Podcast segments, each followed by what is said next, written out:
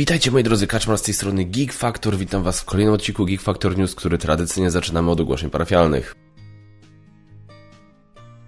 Także tak, yy, słuchajcie, no jest lekkie opóźnienie. Powiem wam szczerze, yy, ciągle dochodzę do siebie po tych ostatnich paru tygodniach, a yy, to było też takie trochę dochodzenie do siebie plus ładowanie baterii, bo tak od teraz mniej więcej do no chyba do samych świąt będzie mnie czekał srogi, że tak powiem, zapierdziel, nie tylko tutaj, ale też w mojej normalnej pracy, żeby, żeby z kolei potem znowu po świętach móc sobie odpocząć i, i żeby ten odpoczynek już tak, i żeby już, że tak powiem, do takich wariackich e, tutaj e, takiego wariackiego tempa już po prostu nie wracać. Mam e, totalnie naładowane baterie, jeśli chodzi o motywację i pragnienie robienia tego dalej dzięki spotkaniom z Wami na Allegramy. Mam e, dzięki nowym patronom, dzięki e, no, no, dzięki paru rzeczom jestem po prostu, dzięki różnym współpracom, które się nawiązały, e, które by się no raczej no nie, nie nawiązały, gdyby Geek Factor to była jakaś tam po prostu,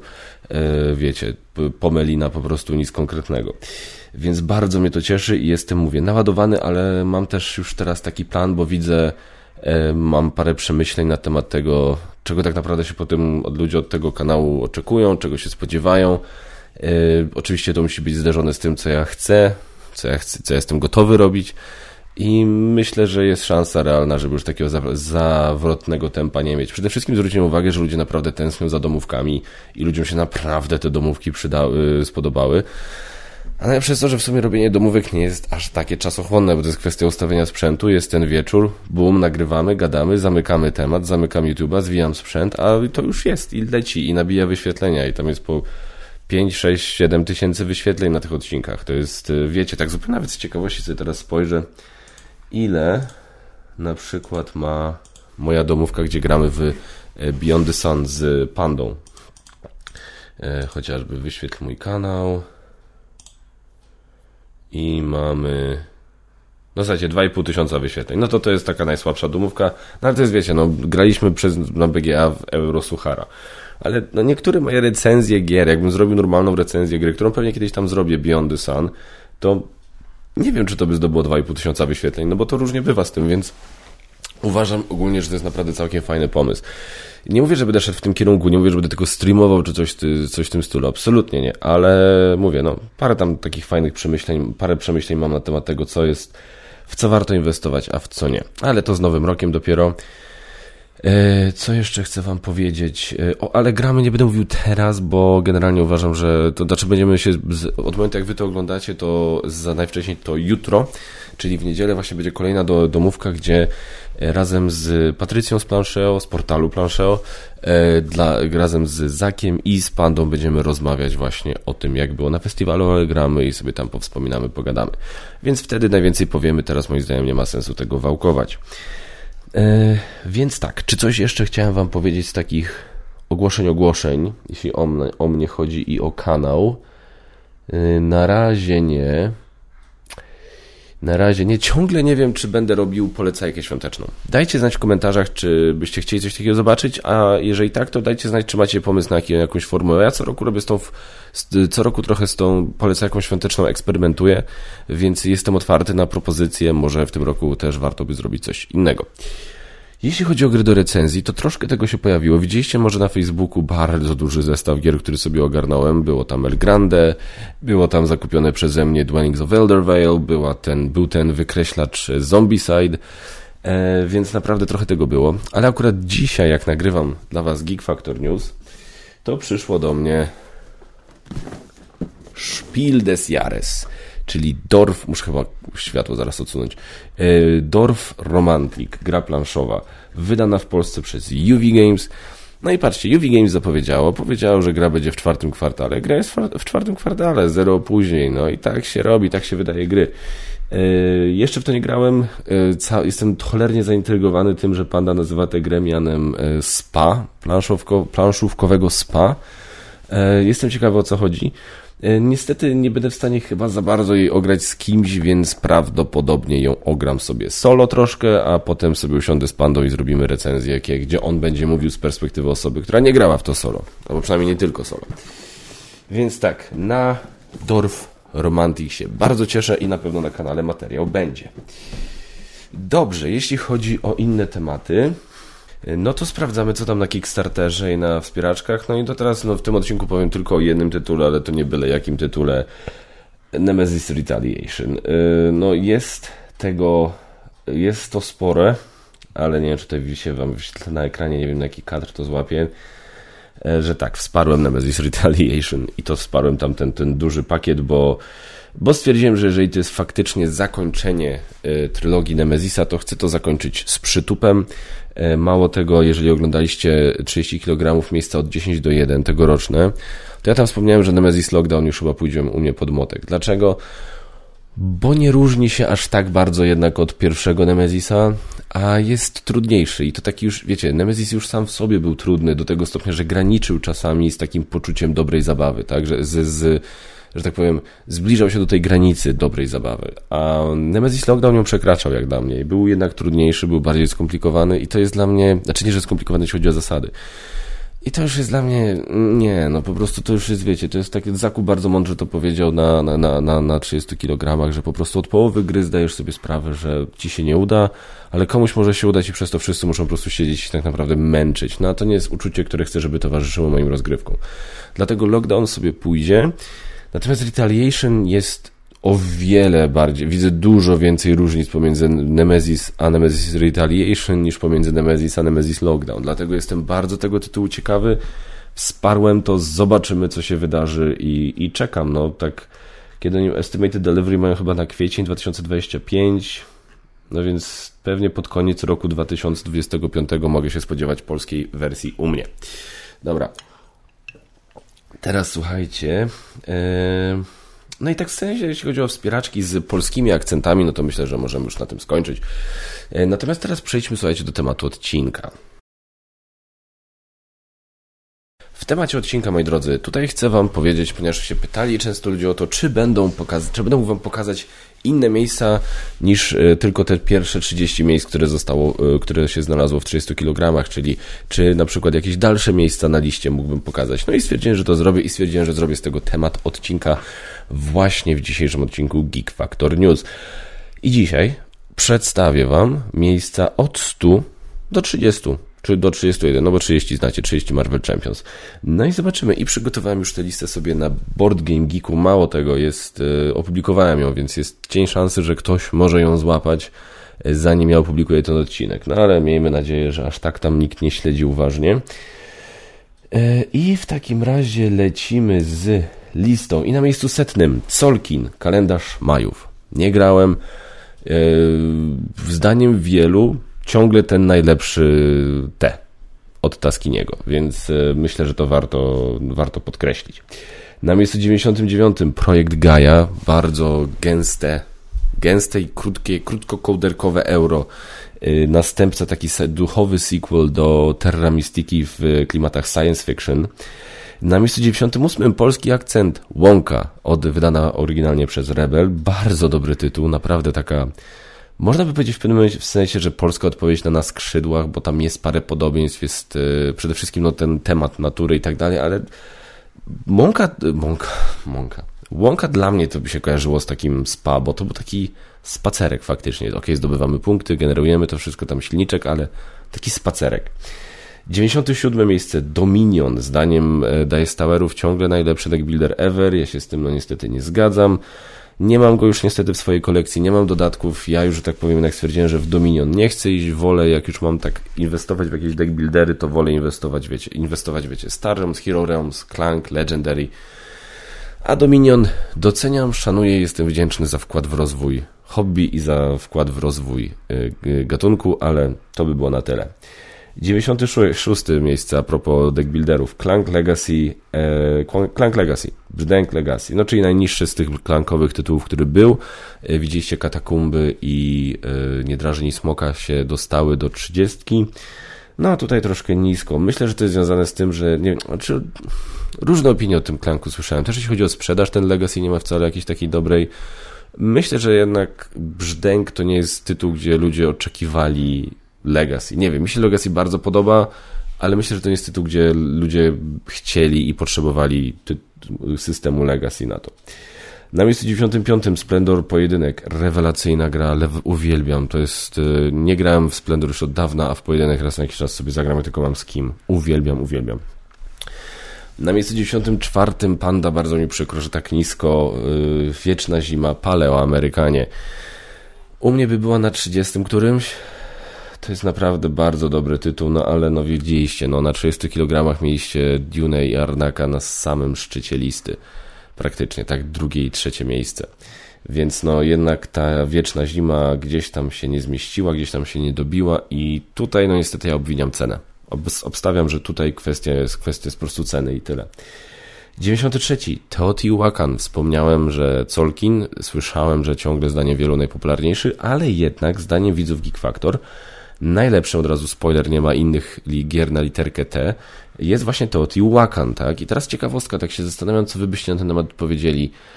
Czy wy też nie macie takiego poczucia, że od czasu premiery Teotihuacan Board and Dice nie wydało gry, którą by tak, wiecie, zawojowali i zrobili takie ogólnorynkowe wow.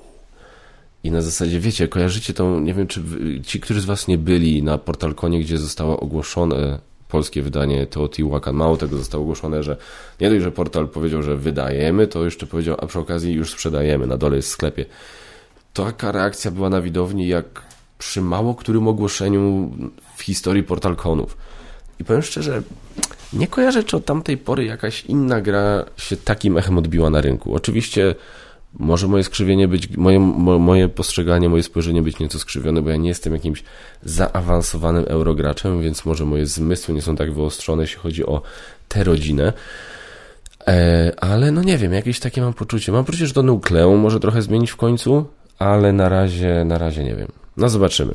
Jest to ostatnia gra, natomiast Teotihuacan na literkę T, która jest na liście. Na miejscu 92 również ostatnia gra ze swojej kategorii, ze swojej rodziny, Paladyni Zachodniego Królestwa. Nic więcej Szema Philips, nie, nie wiem, nie, dobra, już nie pamiętam czy Szema Philipsa, ale na pewno nic więcej z Zachodniego Królestwa nie ma na liście. Więc gratulujemy. Na miejscu 91 klasyk Zimna Wojna, mam nowiusieńkie pudełko od, od Phalanxa i tylko czekam na okazję, żeby się taki, z takim moim kumplem umówić na to, żeby w to zagrać. Na miejscu 90 Res Arcana.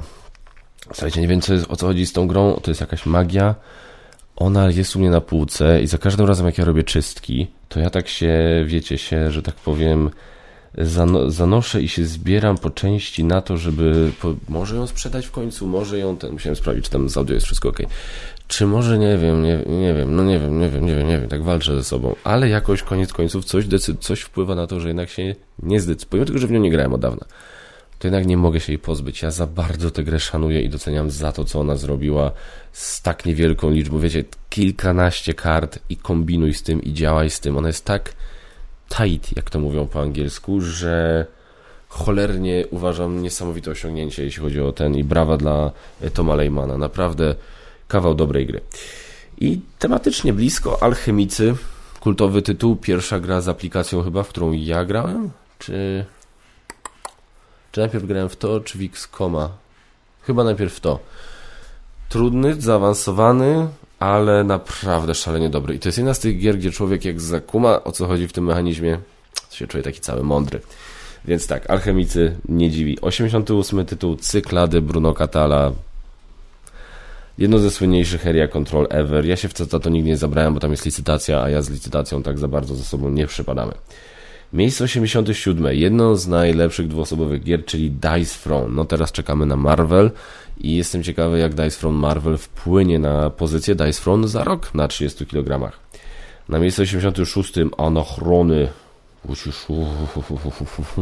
Jeden z tych gigantów, do którego nawet się nie zbliżałem, ale no słyszałem, że wśród osób, które lubią tego typu gry, tego typu giganty, to to jest y, jedna z tych głównych, jedna z tych czołowych pozycji. Na miejscu 85 kultowy Battlestar Galactica.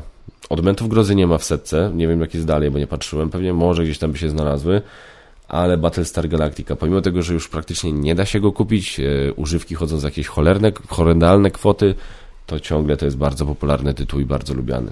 Więc mam nadzieję, że kiedyś zagram. Na miejscu 84 wbił się dosyć wysoko na nowo, jako nowość wyprawa Darwina. Słyszałem dużo dobrych rzeczy, Wręcz jest to jeden z takich tytułów, który jest na takiej mojej liście, że nie zgłosiłem się do recenzji, ale jak będę miał okazję, to sobie ją sprawię, żeby ją, nią wypróbować. Albo, albo sprawnie będę próbował gdzieś z kimś ją wypróbować. 83 miejsce Kaliko. No jak wiecie, Kaskadia się wkradła do, do 30. Kaliko jest dosyć nisko. No ale ciągle jest w pierwszej setce. Miejsce 83 Kaliko. Bardzo sympatyczna gra. Muszę w końcu sobie tą apkę ściągnąć na Steamie, bo wyglądała dosyć zacnie. Mis 82 Pandemic Legacy sezon pierwszy i to jest y, pierwszy i ostatni tytuł. Yy, spoglądam tutaj kontomoga, czy pies coś nie będzie chciał. Yy, pierwszy i ostatni tytuł z serii Pandemic na mojej liście. Hejka, przepraszam za takie gwałtowne cięcie, ale nie wiedziałem, yy, ale musiałem ten, musiałem sam wypuścić, więc Pandemic Legacy sezon pierwszy. Osobiście mi się najbardziej podoba całej rodziny sezon 0, ale tak, to jest jedyny Pandemic, jaki jest na setce, więc no warto zwrócić uwagę. Miejsce 81. Niezbadana planeta. Troszkę mnie to zdziwiło, powiem szczerze. To jest bardzo sympatyczny Tetris. Mój chyba obecnie ulubiony Tetris, ale nie wiedziałem, że to się może zakraść aż tak wysoko. Naprawdę mnie tu widzowie zaskoczyli. Miejsce 80. Frostpunk, wiadomo, doskonały, świetny, bardzo klimatyczny tytuł, który bardzo dużo od Was wymaga, ale bardzo ładnie to wynagradza. Na miejscu 79 Wielki Mur od Awaken Realms. Ciągle jedno z najlepszych euro, w które w życiu grałem. No tuż poza 30 u mnie by było, bo po prostu nie grałem w to od dawna, ale na razie w kolekcji jest i nie planuję się tego na razie pozbyć. 78 miejsce. No wyżej niż Splendor pojedynek, ale jednak oryginalny Splendor. Gratuluję. Miejsce 77 Star Realms. Czy Hero Realms też będzie? Czy będzie wyżej, czy niżej? No, no, no niżej, no, niżej już nie, to, to mogę, no to wyżej. O, teraz z kolei było cięcie, bo dostałem ataku kaszlu, mówię, ciągle jeszcze jeszcze zbieram żniwo. Na miejscu 76 Rising Sun, czyli tutaj proszę Państwa Zaku cię cieszy i raduje, bo to jest jego ulubiony tytuł z trylogii Erika Langa. I powiem Wam szczerze, jakbym miał myśleć w kategorii nie na dwie osoby, bo na dwie osoby to wygrywa Ang, bez dwóch zdań. Zresztą w Rising Sun przecież się nie da grać na dwie osoby. Ale jakbym miał tak wziąć pod uwagę, nie wiem, granie w trzy osoby, w cztery osoby, to kurde i byście mi postawili Ang, Rising Sun, Blood Rage. Kurde, też bym powiedział Rising Sun. Autentycznie. Solidna gra. Dalej lecimy, bo to mało czasu. 75 miejsce Władca Pierścieni Podróży przez Śródziemie. Ja osobiście, no mi tak aż tak nie podeszła niestety, ale widzę i szanuję, jak bardzo ludziom się podoba. Naprawdę ona się bardzo dobrze przyjęła, więc tutaj śmiało Fantasy Flight Games może się poklepać po plecach, że naprawdę walnęli fajny tytuł. 74. Terraformacja Maras, Mar... Terraformacja Marsa, Ekspedycja Ares. No powiem wam tak, koniec końców u mnie jednak Terraformacja Marsa oryginalna jest wyżej, ale Ekspedycja Ares mi się ciągle podoba i ciągle w kolekcji jest. Ale no niestety, no jak widzicie, 74 miejsce, a pierwsze no jednak nie zabiła i nie zastąpiła terraformacji. Osadnicy Narodziny Imperium, no kurde, co tak nisko? U mnie to byłoby 30 któreś, nie? Ja naprawdę myślę, może nie wiem, może zrobić top 10 gier, które się nie zakradło do tego, do 30 kg moich, czyli miejsca od 40 do 31, ale no tam Imperial Settlers by tam raczej byli. Ra, już bez, bez oszustwa, szczerze udało się, Ra jest na 72 miejscu, po wykastrowaniu tamtych nieuczciwych głosów. 71. Tutaj jest ciekawa sytuacja i przysięgam, nie manipulowałem tutaj. Na miejscu 71 Descent Legendy Mroku, na miejscu 70 Descent Podróże w Mroku. Eee, czy nie wiem, jak to jest, nie pamiętam, jak to jest przetłumaczone po polsku. Eee, więc bardzo blisko siebie. Ja cały czas podtrzymuję, że ten Descent najnowszy jest naprawdę dobry. To jest solidny tytuł i mi się bardzo dobrze w niego gra. Dlatego ja jestem ostrożny, jeśli chodzi o te gadki, że wiecie, że Fantasy Flight Games się kończy. Eee, ja po prostu tak jak mówiłem, gdzieś tam zauważyłem, że już te ich ogłoszenia i tak dalej już nie wywołują aż takich emocji jak kiedyś. Ale no ciągle potrafią wydać coś zacnego i ten ostatni descent jest cholernie dobrą grą moim zdaniem ciągle. Nie mówiąc już o klasyku. Na miejscu 69 Terra Mystica, czyli właśnie, no w tego nie grałem. To jest ten protoplasta, prawda, ten pierwszy, ten pierwowzór yy, projektu Gaia. W Terra Mystica nie grałem, w tą najnowszą grę The Age of coś tam nie pamiętam.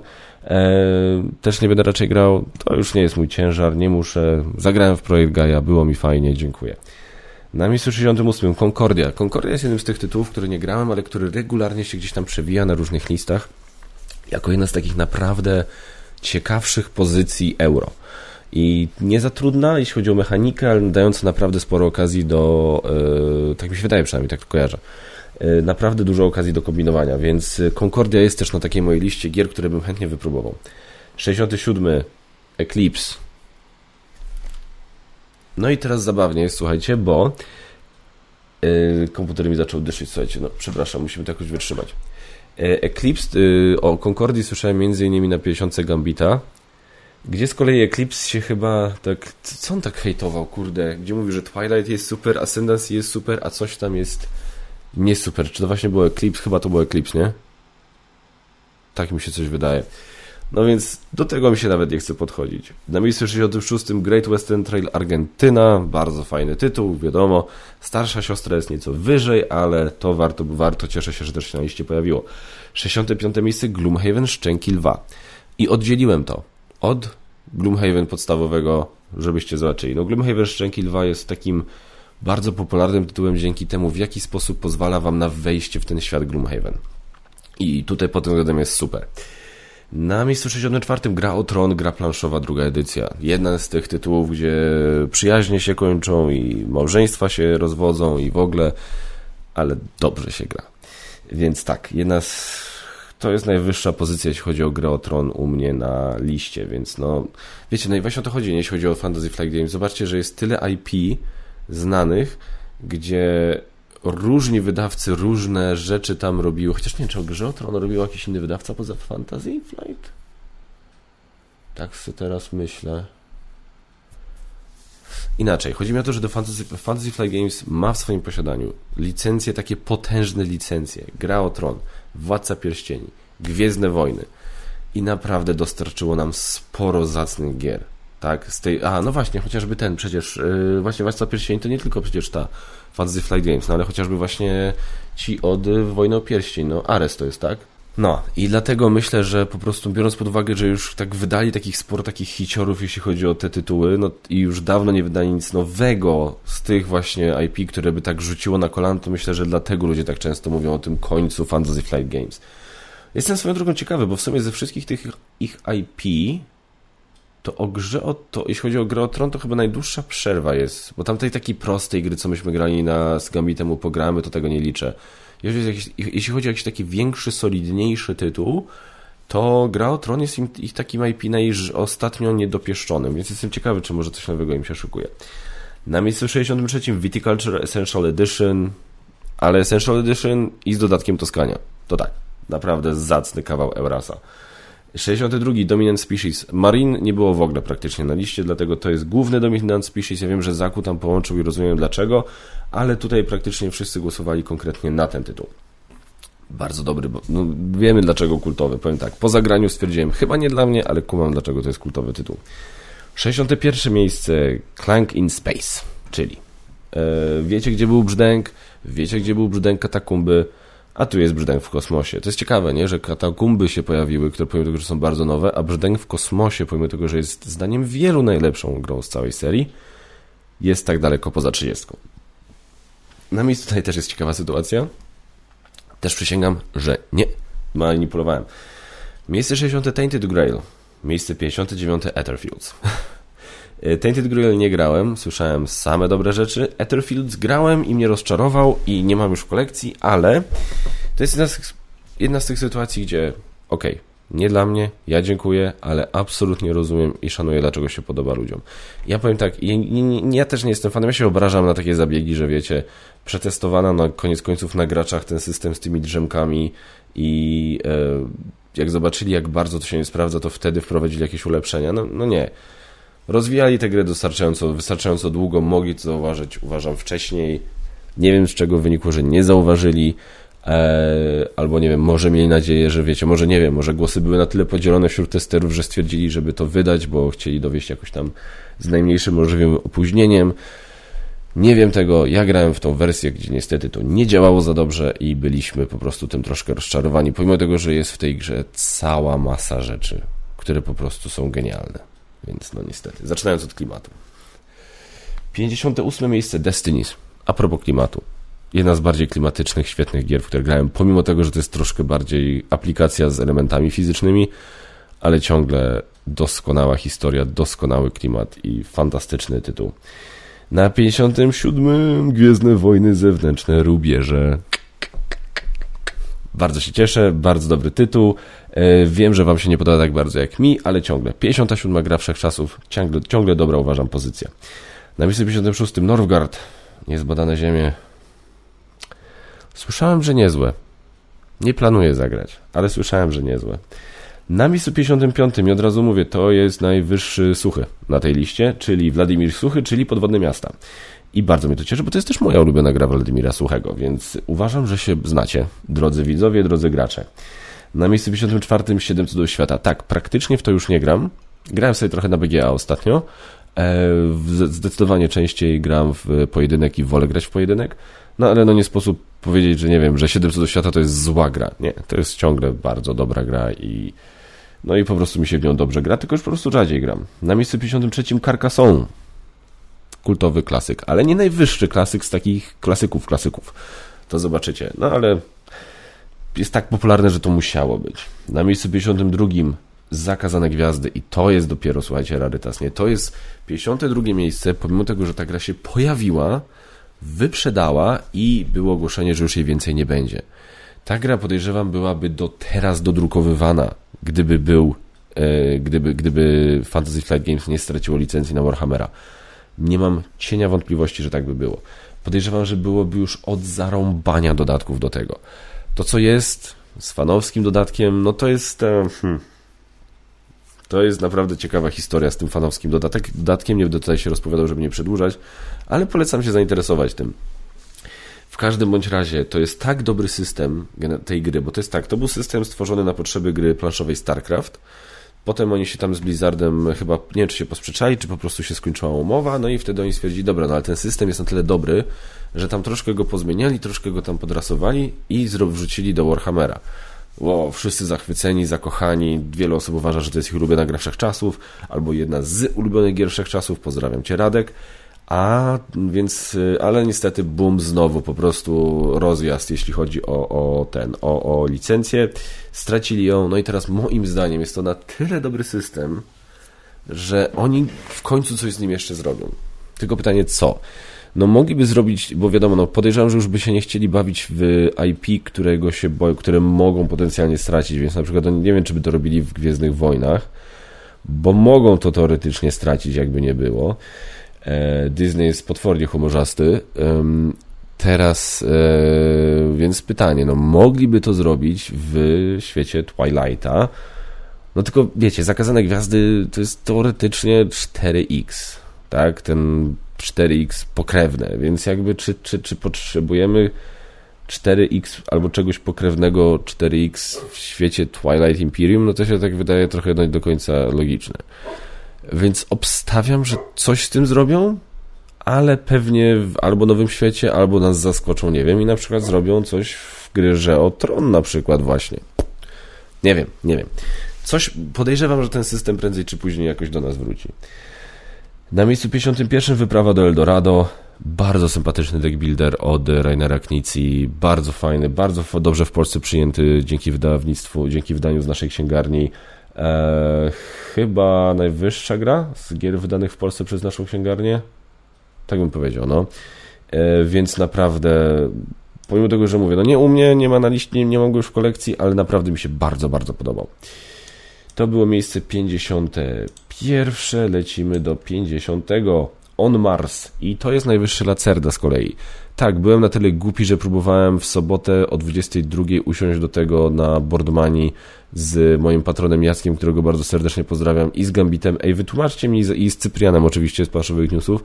I mówię do nich, ej, wytłumaczcie mi On Marsa i zagrajmy sobie.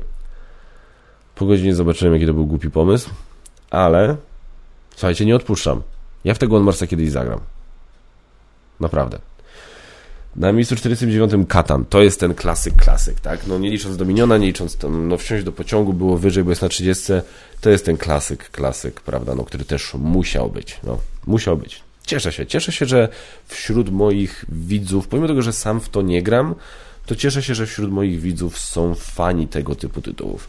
E, że ciągle są fani ludzi, e, ludzie, którzy grają w takie klasyki właśnie. Wsiąść do pociągu, jak Katan, jak Carcassonne, jak Dominion. To jest fajne, mi się to podoba. Miejsce 48. Unmatched. I cała seria. Twisted Fables nie ma nigdzie na liście, na pierwszej setce od razu mówię, a widzicie wyżej od Dice Throne, czyli myślicie dokładnie to samo o tych trzech grach dwuosobowych co ja. Cicho. Na miejscu 47 Eldritch Horror. Sprzedałem ostatnio. Nie pamiętam kiedy ostatnio grałem. Będę grał teraz w tego Marvel Dagger w końcu niedługo. To jest podobno reimplementacja. E, znaczy, nie wiem, dawno nie grałem w Eldritch Horror. Czytałem zasady do e, tego Daggera i wydaje mi się, że jest tam dużo zmian wprowadzonych, więc jest tam pewnie to jakaś inspiracja, ale to nie jest taki hamski reskin z tego, co ja kojarzę. Aczkolwiek mówię, w Eldritcha grałem dawno. Na miejscu 46 This War of Mine. No u mnie też by to pewnie było w tej 10.30 do 40. Ciężki tytuł, nie siadam do niego, ale no nie sposób go nie szanować. Miejsce 45 Tyrants of the Underdark. Podobnie, podobno, ponownie Zaku się bardzo cieszy. E, ja się cieszę bardzo, że to mam w kolekcji. Cieszę się, że mam to upiększone dzięki Dobromirowi, bo nie wiem, czy bym chciał to trzymać w tym takim polskim wydaniu. Ale to jest ciągle kawał solidnej gry. Miejsce 44. Through the Ages, A New Story of Civilization. Może czemu tak mówię? Cywilizacja poprzez wieki. Powiem wam tak. Gdybym nie miał problemu z tym, żeby dawać na... Gdybym podszedł do tematu 30 kg swojego tak, swojej listy tak, żeby mo że mogę dać na nie na tę listę gry, w które nigdy nie grałem w wersji fizycznej, to to by było na 30 kg, bo w to grałem, ale niestety wszystkie rozgry rozgrywki, które ja miałem, mam za sobą w cywilizację poprzez wieki są na apce. A ta apka jest świetna, działa doskonale, jest piękna muzyczka w tle, jest wszystko mi w tej apce leży i sama gra jest po prostu super. No ale jednak gdzieś tam mi się to kłóci. Ja mam wersję fizyczną, ja chcę w nią przynajmniej, ja chcę zrobić coś takiego, żeby móc w nią raz zagrać, żeby móc ją dawać na 30 kg, ale i mówię, i tyle, a potem już sobie grać tylko w to na apce, bo to jest naprawdę zacny tytuł i absolutnie zasługuje. To jest, to jest, to jest wiecie, to jest ta gra cywilizacyjna, to jest koń, to jest the ultimate civilization game, czy coś może kiedykolwiek się będzie z tym równać, wiecie, dopóki na rynku jest jest, wiecie, dopóki na rynku będzie Clash, dopóki na rynku będzie cywilizacja poprzez wieki, nie wyobrażam sobie, żeby jakaś gra mogła, wiecie, cywilizacyjna jeszcze zdobyć to pierwsze miejsce w tej rodzinie, w tej, w tej kategorii, więc e, aczkolwiek, wiecie, no to, są, to jest moja, moje zdanie i moja wypowiedź i, i jestem, jestem ciekawy, jeżeli w moim gronie słuchaczy, widzów są osoby, które lubią jakąś grę cywilizacyjną bardziej niż wspomniane Clash, niż wspomniane Clash i wspomnianą cywilizację, piszcie w komentarzach, bardzo chętnie posłucham. Na miejscu 43 Pax Pamir, druga edycja. Nie grałem, nie mogę się nic powiedzieć, ale słyszałem, że najlepszy z Paxów i pewnie kiedyś w końcu zagram. Na miejscu 42 Ziemia. Jak na nowy tytuł w tym roku, dobra pozycja, aczkolwiek jeśli mam być szczery, myślałem, że Ziemia zrobi większe wow na rynku. Naprawdę. Nawet u mnie. Bo jest był zachwyt i jest zachwyt, uwielbiam ją, ale no tak do tego fizycznego egzemplarza już nie siadam. Na BGA sobie zagrałem parę razy i to nawet niedawno. Ale... Bo ja wiem, tak jakoś miałem nadzieję, że to będzie większe, wiecie, że to będzie, teraz wszyscy będą o tym trąbić, że to jest lepsze od właśnie na skrzydłach, że to jest lepsze od czegoś tam. Nie wiem. Nie wiem, nie wiem, nie wiem. Jakoś tak myślałem, że będzie z większym przytupem wejdzie na rynek. Miejsce 41 Black Rose Wars, doskonały wybór. Nie ma Deep Madness na całej liście, co mnie smuci, bo jest to też doskonały tytuł, jeśli chodzi o te gry wydane, te klimatyczne gry wydane od czachy. Black Rose Wars po prostu... O, Jezu, mega czekam na tę wersję pojedynkową. Miejsce 40 Gloomhaven, czyli znacznie wyżej od Szczęklowa, czyli jednak moi widzowie wolą, tak uśredniając, takie cięższe tytuły, ale no, ciągle, no, zarówno to, jak i Szczęki 2 są na liście i to moim zdaniem też o czym świadczy. Miejsce 39. Hero Realms. Myślę, że dzięki apce, myślę, że dzięki tym dobrym dodatkom, uważam, że dodatki do Hero Realms są lepsze, są ciekawsze niż dodatki do Star Realms, moja prywatna opinia. Może dlatego, to jest wyżej, tak o wiele wyżej niż Star Realms. Miejsce 38, Neuroshima Hex 3.0, bardzo dobry polski akcent, bardzo dziękuję, bardzo się cieszę. Eee, ciągle mam, nie wiem kiedy ostatnio grałem, czy na apce, czy w wersji fizycznej, ale mam. I to jest taki tytuł, z którego, który mi się bardzo dobrze kojarzy, bo to była jedna z pierwszych gier, które poznałem.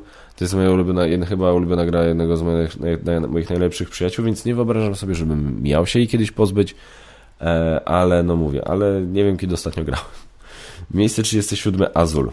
E, I to Azul Azul, nie? Tam te inne Azule były, ale one były gdzieś tam bardzo marną liczbę punktów zgarniały, zgarniały, więc nawet już stwierdziłem, że tego nie będę łączył, bo to nie ma sensu, więc po prostu Azul miejsce 37.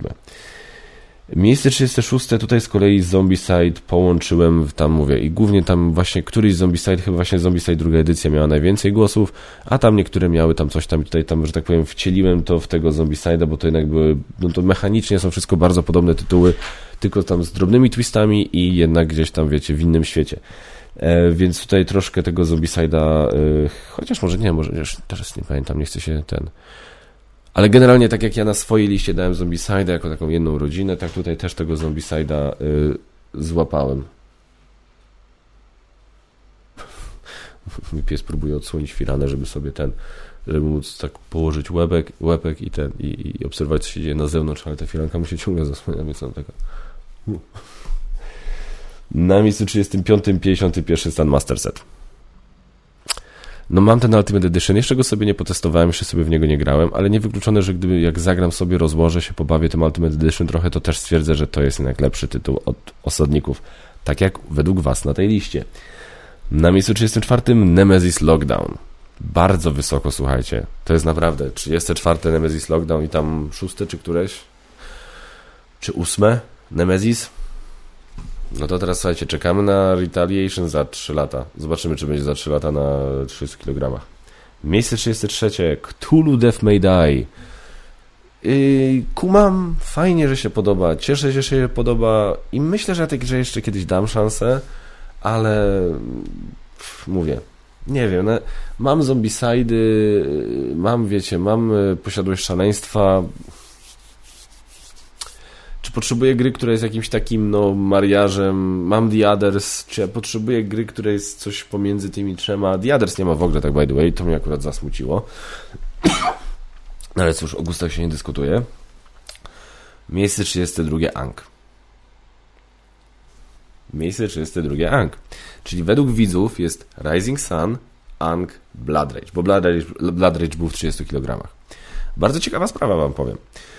No i teraz to najsmutniejsze miejsce, czyli 31, czyli ta jedna gra, która się no kurde nie załapała do 30, tak? Twilight Imperium. No niestety, ale zobaczymy. Coś mi mówi, że jak, jeżeli ja faktycznie z Zakiem nagramy rozgrywkę w Twilight Imperium, to to, to się ma szansę pojawić znowu gdzieś wysoko. Dobrze, moi drodzy, no trochę to potrwało, ale mam nadzieję, że Wam się podobało przejście przez gry, które zajęły miejsca od 31 do 100 w tegorocznym plebiscycie, w tegorocznej edycji plebiscytu 30 kg, lista, lista, najlepsze gry wszechczasów. Dzięki wielkie, słuchajcie, lecimy do newsów filmowo-telewizyjnych. No słuchajcie, w Marvelu dzieje się źle. E, jest tam taki artykuł, był Vanity Fair, który mówił o tym. E, słuchajcie, naprawdę Was przepraszam, jeżeli słyszycie buczenie laptopa w tle, ale no niestety on się e, musi tak ten wychładzać. Nie wiem, to jest jakiś taki system wychładzania się, prawda? Chłodzenie i to wszystko, jak on ten wiatraczek chodzi, to niestety no jedyna opcja, żeby to wyłączyć, to jest po prostu wyłączyć kompa na chwilę i albo go dać w stan uśpienia, żeby się tak wyciszył, ale no niestety nie mogę tego teraz zrobić, bo siłą rzeczy, bo nagrywam. więc tak. E, Jonathan Majors, który grał Kanga i grał He Who Remains i Victora, Victor, jak on miał? Timely w Lokim. No ma te pewne swoje problemy, tak? Został oskarżony przez swoją dziewczynę o, o fizyczną napaść. Pomimo tamtego, że były podobno jakieś srogie dowody na to, że on tego nie zrobił, to jednak sprawa nie została odrzucona i będzie rozprawa w sądzie. Co się okaże w wyniku, jako, co będzie wyrokiem, czy będzie okaże się, że Jonathan Majors jest winny, czy że jest niewinny. Trudno powiedzieć, ale da się poczuć, że troszkę się w Marvelom, ale jakby tego było mało, bardzo kiepskie przyjęcie Ant-Man and the Wasp Quantum Mania, która tak, bo wiadomo, Loki wprowadził He Who Remains, tę postać, którą grał Majors, która też była wariantem Kanga. I teraz, więc to już było jakieś wprowadzenie, ale takim głównym wprowadzeniem Kanga, który miał być kolejnym dużym czarnym charakterem ala Thanos w MCU, miał być właśnie Ant-Man e, Ant i Osa e, Quantumania. No niestety Ant-Man i Osa zebrały fatalne opinie i fatalne wyniki box office'u, w związku z czym, pomimo tego, że mi się ten film aż całkiem nawet, muszę powiedzieć, całkiem mi się podobał i, i nawet Jonathan Majors zebrał bardzo dobre opinie, jeśli chodzi o jego rolę, no to jednak to się wszystko, to wszystko na siebie nałożyło i sprawiło, że troszkę się w Marvelu ludziom i w ogóle fakt, że filmy Marvela zaczęły się coraz gorzej oglądać, coraz gorsze opinie zaczęły zbierać. Cio! The Marvels to po prostu w ogóle jest jakaś totalna porażka na wszystkich frontach możliwych. No się troszkę w Marvelu zaczęły tam ludziom tyłki palić, więc e, słyszę coraz więcej głosów, że podobno chcą odejść od Kanga. Różne takie plotki krążą, że nie Kang wcale nie będzie tym głównym czarnym charakterem. No i teraz Destin Daniel Creton, który reżyserował Shang-Chi i miał reżyserować Avengers The Kang Dynasty, odszedł z tego, z tego stołka, opuścił ten stołek. No i teraz podobno nie ma to z niczym nic wspólnego, podobno tam po prostu się nie dogadali i wszystko jest podobno tam, wiecie, jak to zawsze gadają, nie? Na przyjaznych stosunkach i warunkach wszystko pięknie. No ale coś tam się dzieje. I moim zdaniem jakieś zmiany nastąpią, muszą nastąpić po tym wszystkim, co się dzieje w Marvelu, po tych wszystkich opiniach, po tych wszystkich gównianych serialach. Coś tam się musi wydarzyć w końcu. I myślę, że Kevin Feige w końcu jest tego świadomy, bo już zaczęli wprowadzać zmiany. Zaczęli zmienić, całą ekipę ogarniającą tego e, Daredevila. E, zmienili całą ekipę odpowiedzialną za film Blade, więc no jest cień szansy na nadzieję, że coś się poprawi.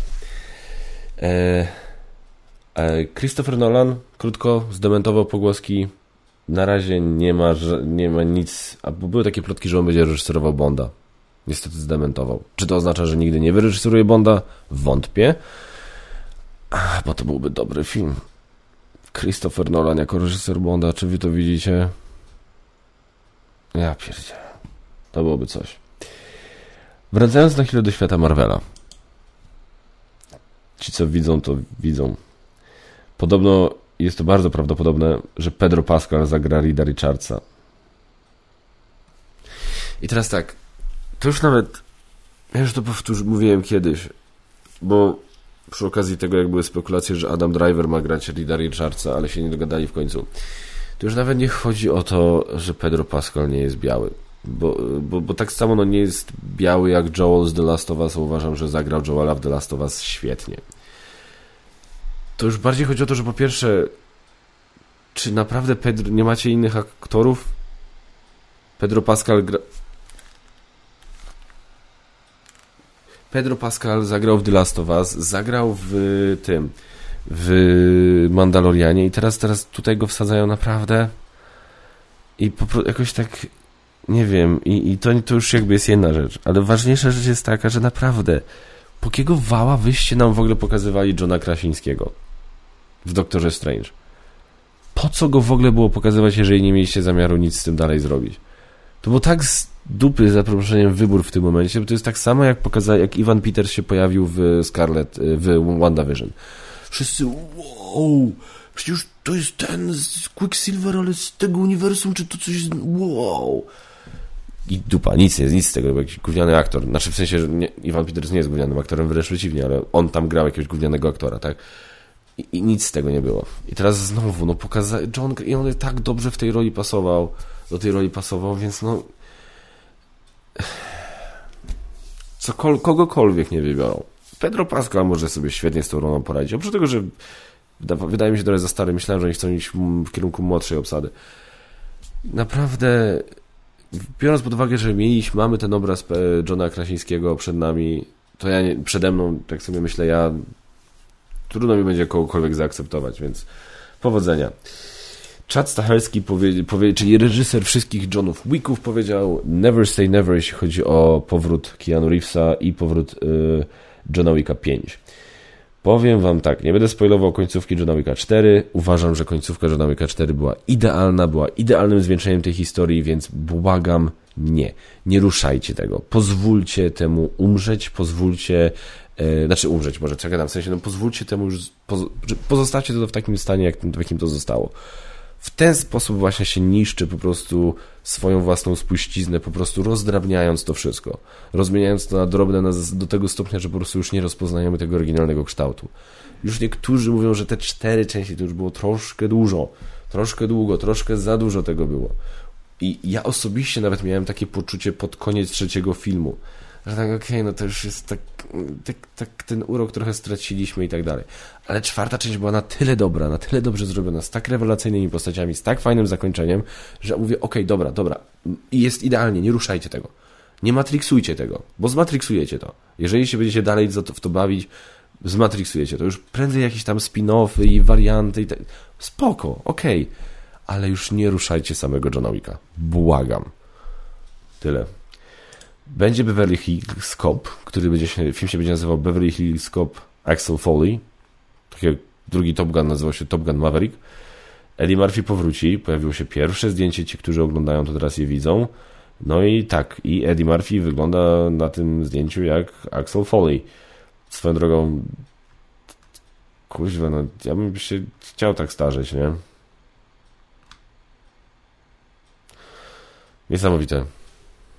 W angielsku jest takie sformułowanie, którego właśnie osoby, który, którym się posługują osoby czarnoskóre na swój temat, że black don't crack. I to jest, e, no, kurde, nie wiem, co to jest, że tyle osób czarnoskórych się tak dobrze starzeje, ja bym po prostu to chciał, nie? Widać, że mu się troszkę przytyło, że to już nie jest chyba ta forma, nawet jest, przy, to jest, wiecie, to jest waga, nad tym można zapanować. Ale pochodzimy jego twarz, jego to widać, że to nie jest, przecież on ma ile, 60 lat zaraz, czy coś takiego? No nie wiem. Boję się tego, bo widziałem, co on zrobił z y, książę, księciem w Nowym Jorku, ale yy, i to jest Netflix, więc yy, film Netflixa to tak też to różnie bywa. No ale zobaczymy. Yy, Superman Legacy. Nicholas Holt, który miał grać, yy, który grał ostatnio w The Menu, polecam, jeżeli nie widzieliście, który grał, będzie grał teraz, miał gra, był jednym z kandydatów do roli nowego Supermana, tej roli nie dostał, ale na tyle się spodobał, że dali mu Lexa Lutora. Jestem na tak. Jestem zaintrygowany. Jestem ciekawy, co James Gunn wymyślił. E, dalej. Uwaga. Będzie nowy film Karate Kid. Mało tego, główne role zagra, zagrają w nim Ralph Macchio i Jackie Chan. Czyli Jackie Chan, pamiętacie, grał w remake'u z synem Willa Smitha. E, teraz tak. Czy to będzie, no ewidentnie będzie to jakaś kontynuacja. Podobno w ogóle mają robić casting na cały świat szeroki, żeby znaleźć nowego ucznia swojego. E, I teraz pytanie, czy ciągle nie jest to potwierdzone? No, no to, to, że to będzie jakiś sequel na pewno do, Jackie, do historii Jackie Chana i Daniela Larusso, to jest pewne. Ale czy ten film ma zamiar zignorować Cobra Kai? Czy będzie, bo teraz wiecie, Cobra Kai z najbliższym sezonem się skończy. Czy będzie kontynuacją Cobra Kai? To jakby tego to jeszcze nie wiemy. Przy czym, jeżeli by to miało kontynuować historię Cobra Kai, to bez Johnego, bez Miguela, bez Robiego, bez Sam, no nie wiem. Ale zobaczymy, co z tego wyjdzie. Podoba mi się, podoba mi się w ogóle, że to jeszcze żyje, nie? że w ogóle jeszcze gadamy o tym, o, o, o, Jackie, o Karate Kid. Że żyje i ma się dobrze. O ilu innych filmach, franczyzach, wiecie, z lat 80. możemy to powiedzieć teraz, że to ciągle żyje i ma się dobrze. E, swoją drogą, Kathleen Kennedy już chyba wszystkich wkurzyła możliwych i teraz Dave Filoni został e, awansowany do Chief Creative Officer w Lucasfilm i będzie e, pracował nad rozwojem wszystkich przyszłych filmów i rzeczy związanych ze Star Warsami, co jest dobrym pomysłem, bo Dave Filoni odpowiadał za e, Wojny Klonów i za Rebels i odpowiadał za Mandaloriana, który się bardzo dobrze przyjął. No ale odpowiadał też za trzeci sezon Mandaloriana, który się tak sobie przyjął. I odpowiadał też za Boba Fetta, który się tak sobie przyjął. Więc troszkę z Dave'em Filoni to jest chyba na dwoje, dwie, na dwoje babka wróżyła. Ale chyba jest to ciągle lepszy wybór niż Kathleen Kennedy, więc jest szansa gdzieś tu go wykorzystać, że tak powiem, wykorzystać potencjał tego człowieka i zrobić ciągle z Gwiezdnymi Wojnami coś dobrego. Moim zdaniem oni powinni sobie odpuścić, dać sobie przerwę i nie mieszać się, już nie bawić się w te Gwiezdne Wojny na jakiś czas, zastanowić się, co zadziałało, co nie działało. Tego drugiego było ostatnio więcej. Ale mówię, ja nie mówię, że nie w ogóle do tego tematu nie wracać. Ja nie mówię, żeby w ogóle czegoś nowego nie kręcić, ale no wiecie, na spokojnie, z głową. Siódmy krzyk. Nev Campbell i Patrick Dempsey może powrócą, a to dlatego, że stracili y, dwie aktorki. Jenna Ortega nie powróci do siódmego krzyku, bo nie ma y, niestety y, ten nie, nie udało jej się grafiku poukładać tak, żeby móc zagrać w drugim sezonie Wednesday i w tym. No niestety podejrzewam, że to strajk aktorów i scenarzystów tutaj troch, troszkę namieszał, że teraz te grafiki się zrobiły bardziej napięte i w związku z tym no, niestety musiała wybrać. Chociaż podobno ona nie miała tam grać dużej roli w Nowym Krzyku, czyli pewnie miała zginąć. Ale ciekawszy przykład jest aktorki, która grała jej siostrę, czyli Melissa Barrera, e, która na social mediach swoich na swoich social mediach opublikowała kilka postów wspierających Palestynę ale nie na tyle do końca Palestynę, Palestynę, że tak, mam nadzieję, że nie wiem, Hamas dopierdzieli Izraelowi i tak dalej. Nie. E, po prostu no, wyrażała swoje oburzenie tym, co się dzieje w strefie gazy, tym, ile cywili ginie, ile dzieci tam ginie i tak dalej, i tak dalej. I to jeszcze było ok, ale potem napisała taki post, w którym zaznaczyła, że zwróciła uwagę, że praktycznie w ogóle w zachodnich mediach nie jest, nie widzi tej właśnie strony jakby wypowiadającej się ponownie nie tyle po stronie Palestyny, co bardziej nagłaśniającej i rzucającej światło na to, co się w strefie gazy dzieje. I że napisać coś takiego, że powody, yy, powodów możecie się sami domyślić. No i ludzie to zinterpretowali, że to jest, wiecie, odniesienie się do tego starego stereotypu, rasistowskiego stereotypu, antysemickiego stereotypu, że Żydzi kontrolują wszystkie media. I jakby, no, po pierwsze, to byłaby w tym przypadku nieprawda, po drugie, bardziej chodzi o to, wiecie, o interesy, tak? To nie chodzi o to, że to, że to Żydzi kontrolują media, tylko bardziej chodzi o to, że w interesie pewnie co niektórych jest jakby skupić się ewentualnie, tak? Ja mówię, to nie, jest coś, to nie, to nie są fakty, co ja mówię, to są jakieś tam domysły i tak dalej, że to bardziej chodzi o to, że z jakiegoś powodu media nie chcą, wiecie, Mogą nie chcieć różne firmy w Stanach, korporacje w Stanach, mogą nie chcieć wkurzać Izraela. To bardziej o to chodzi, tak? Nie na zasadzie, ale mówię nie w taki antysemicki, chamski, prymitywny sposób, że o, tu ci Żydzi, tu, media i w ogóle. Nie, no tylko bardziej po prostu patrzeć na to od strony relacji międzynarodowych i jakie relacje Stany mają z Palestyną, jakie relacje Stany mają z Izraelem i tak dalej. I to bardziej ona się do tego odnosiła. Ale już ją uznano, że to jest hate speech i że to jest coś tam, więc trzeba ją anulować.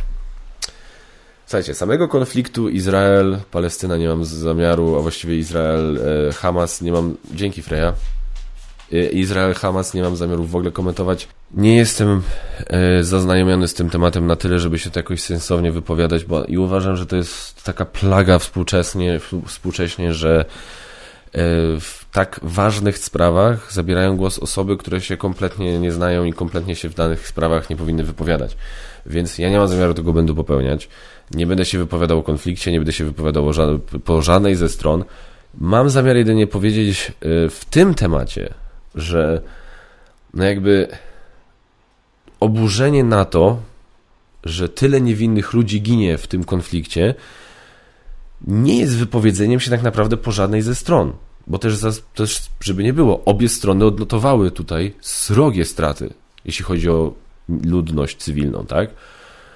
Więc zwrócenie uwagi, że bardziej się mówi o jednej, a mniej o drugiej, jeśli chodzi o utratę niewinnego życia, czy to ma sens, czy nie, czy ona ma rację, czy nie, wiecie, oczywiście można dyskutować z tym, dlaczego tak jest, czy, czy z czego to wynika, i, ale wiecie, ale obcinać, cenzurować, coś takiego?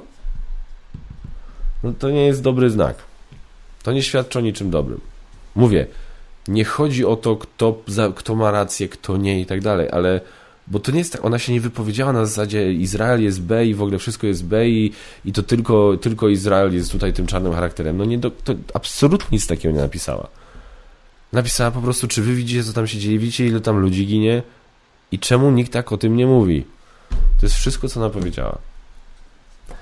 To nie jest dobry sygnał, wiecie, co z tych wszystkich różnych cancel culture przypadków i tak dalej, jakoś ten mnie tak naprawdę wkurzył, bo bo po prostu to naprawdę to jest, to jest, wydaje mi się, nieco bardziej niebezpieczne niż to, że ktoś napisał, nie wiem, jakiś tam ponabijał się z osób transseksualnych czy coś takiego. To jest dla mnie jakoś bardziej, bardziej martwiące, no więc e, nie wiem.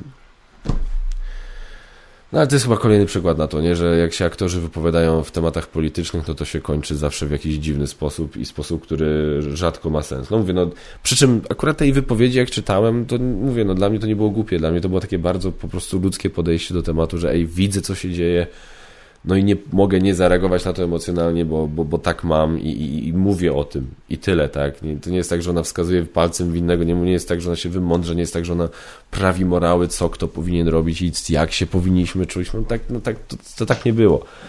Ale niektórym to wystarczyło, żeby ją uciszyć, więc e, szkoda. Ostatnie, dwa, ostatnie dwie części krzyku były bardzo fajne, w dużej mierze dzięki niej, dzięki Jenny Ortedze. No niestety. Tyle. Przejdźmy do QA. Q&A, moi drodzy, czyli miejsce, gdzie my możemy sobie porozmawiać. Wy zadajcie pytania w komentarzu, ja na nie odpowiadam w kolejnym odcinku. No i zobaczymy. Dzisiaj troszkę tam tego było, chociaż ciągle nie aż tak dużo. E, zobaczymy, e, co my tu damy. Dzięki Marta za zdrówka. E, ocena i porównanie dużych dodatków do Marvel Champions. Mógłbym to zrobić w sumie. Mógłbym to zrobić. Zobaczę, dobra? Zastanowię się i, i, i, i ten. Myślę, że jak zobaczę, jak wyjdzie ten nowy dodatek, to sobie go nabędę i wtedy zobaczę, czy coś tam może jakieś takie podsumowanie zrobić. Yy, pytanie od Paweł Cyzman. Gdybyś mógł na chwilkę zatrzymać czas i olać kolejne nowości, do jakich starych tytułów byś wrócił, by je na maksa rozegrać? Czujesz mocniej dosyć rozgrywek. Imperium atakuje. Gwiezdne wojny. Przeszedłbym jeszcze raz scenariusz z podstawki, kampanię z podstawki, znalazłbym dodatki, przeszedł je, posiedziałbym sobie z Frostpunkiem, e, pograłbym w e, dopóki, znaczy nie, mówisz o starych tytułach. No. Nemezisa, horror Warkam gra karciana, ostatnio dostałem dodatki. To są takie gry, do których bym bardzo chętnie chciał wrócić. Eee, E, co tu mamy dalej? E, czy będę robić materiał odnośnie najnowszego Nemesis przed startem kampanii? Niestety nie. Nie dostałem prototypu. E, proszę Q&A, jaką masz wielkość stołu do gier, który widać na 30 kg?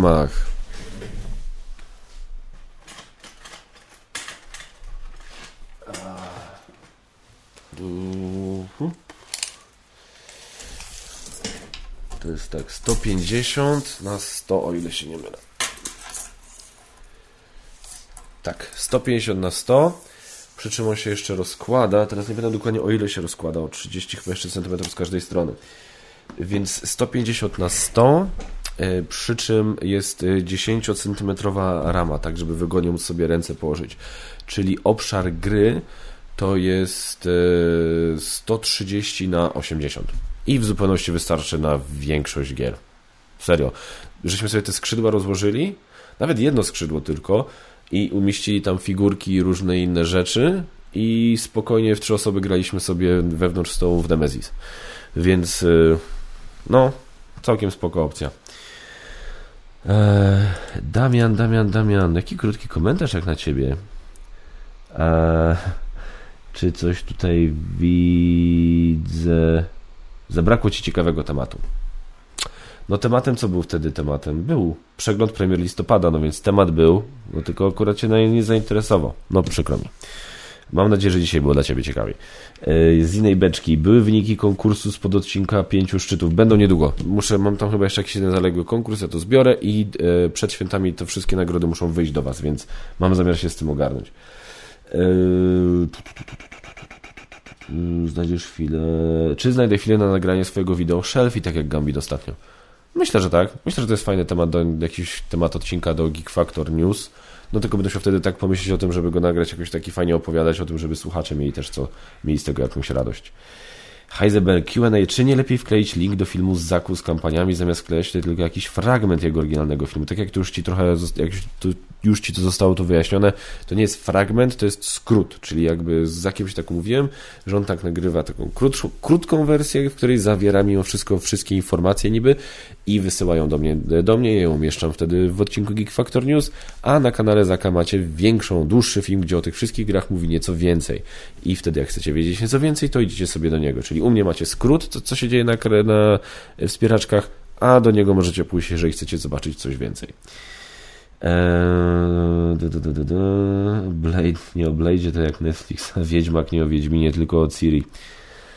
No. Paulina, nie sposób się z tobą nie zgodzić. Eee, to jeszcze robi się testy na COVID? No tak. Jak ktoś chce wiedzieć, czy ma, czy nie, to sobie robi. Tyle. Co to jest? A jak miałbym do końca życia oglądać tylko Wakandę lub Black Adama, to zdecydowanie Black Adam. Tam jest nawet dosyć dużo podobieństw między tym, a, a między tą krainą, tam jak nie będę się nazywało nawet, a Wakandą, więc y, no rozumiem, rozumiem, rozumiem, aczkolwiek się nie zgadzam. Eee, ale to jest właśnie to, kwestia gustu. Eee, dobra, moi drodzy, słuchajcie, za tydzień myślę, że Geek Factor News będzie, więc śmiało zadawajcie pytania. Eee, tyle. Jak chcecie cokolwiek więcej wiedzieć na temat, e, na któryś z tematów tu wspomnianych, dajcie znać. Mam nadzieję, że Wam się podobała lista 30 kg, miejsca od 100 do 31. E, ciągle możecie zobaczyć miejsca od 100 do od 31 do 0, od 30 do 0 w trzech odcinkach, które są na kanale.